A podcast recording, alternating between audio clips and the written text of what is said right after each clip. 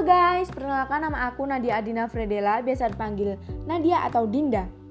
Gimana selama pandemi ini? Kalian pasti sibuk kerjain tugas ya?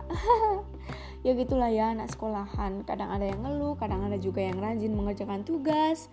Apa pun itu, kita harus syukur atas kesehatan dan masih bisa bernafas saat ini.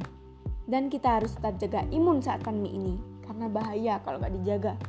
Nah, kali ini aku mau buat podcast tentang cinta sederhana tapi bermakna. Kalian pasti pernah merasakan itu. Karena banyak kok orang yang mudah baper cuma gara-gara perlakuan sederhanamu.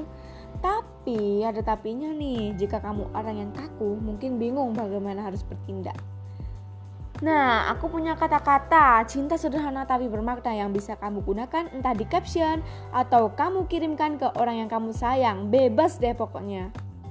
Pertama, dulu ku rindu sekarang ku jemu. Kedua,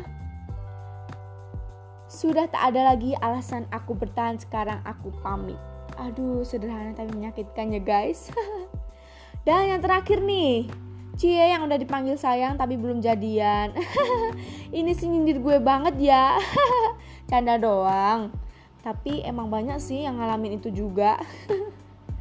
Gimana nih guys? Sederhana tapi bikin baper kan?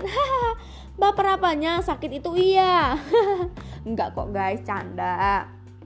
Oh iya, kamu bisa menggunakannya dengan sesuka hati, tapi ingat ya, tidak disarankan untuk bermain-main dengan hati seseorang karena biasanya akan mendatangkan karma.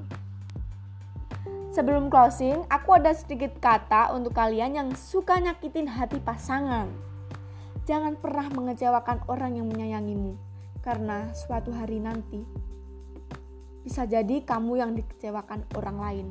Nah, itu aja ya guys, sampai di sini aja dengan gue Nadia Adinda. Salam percintaan. See you guys.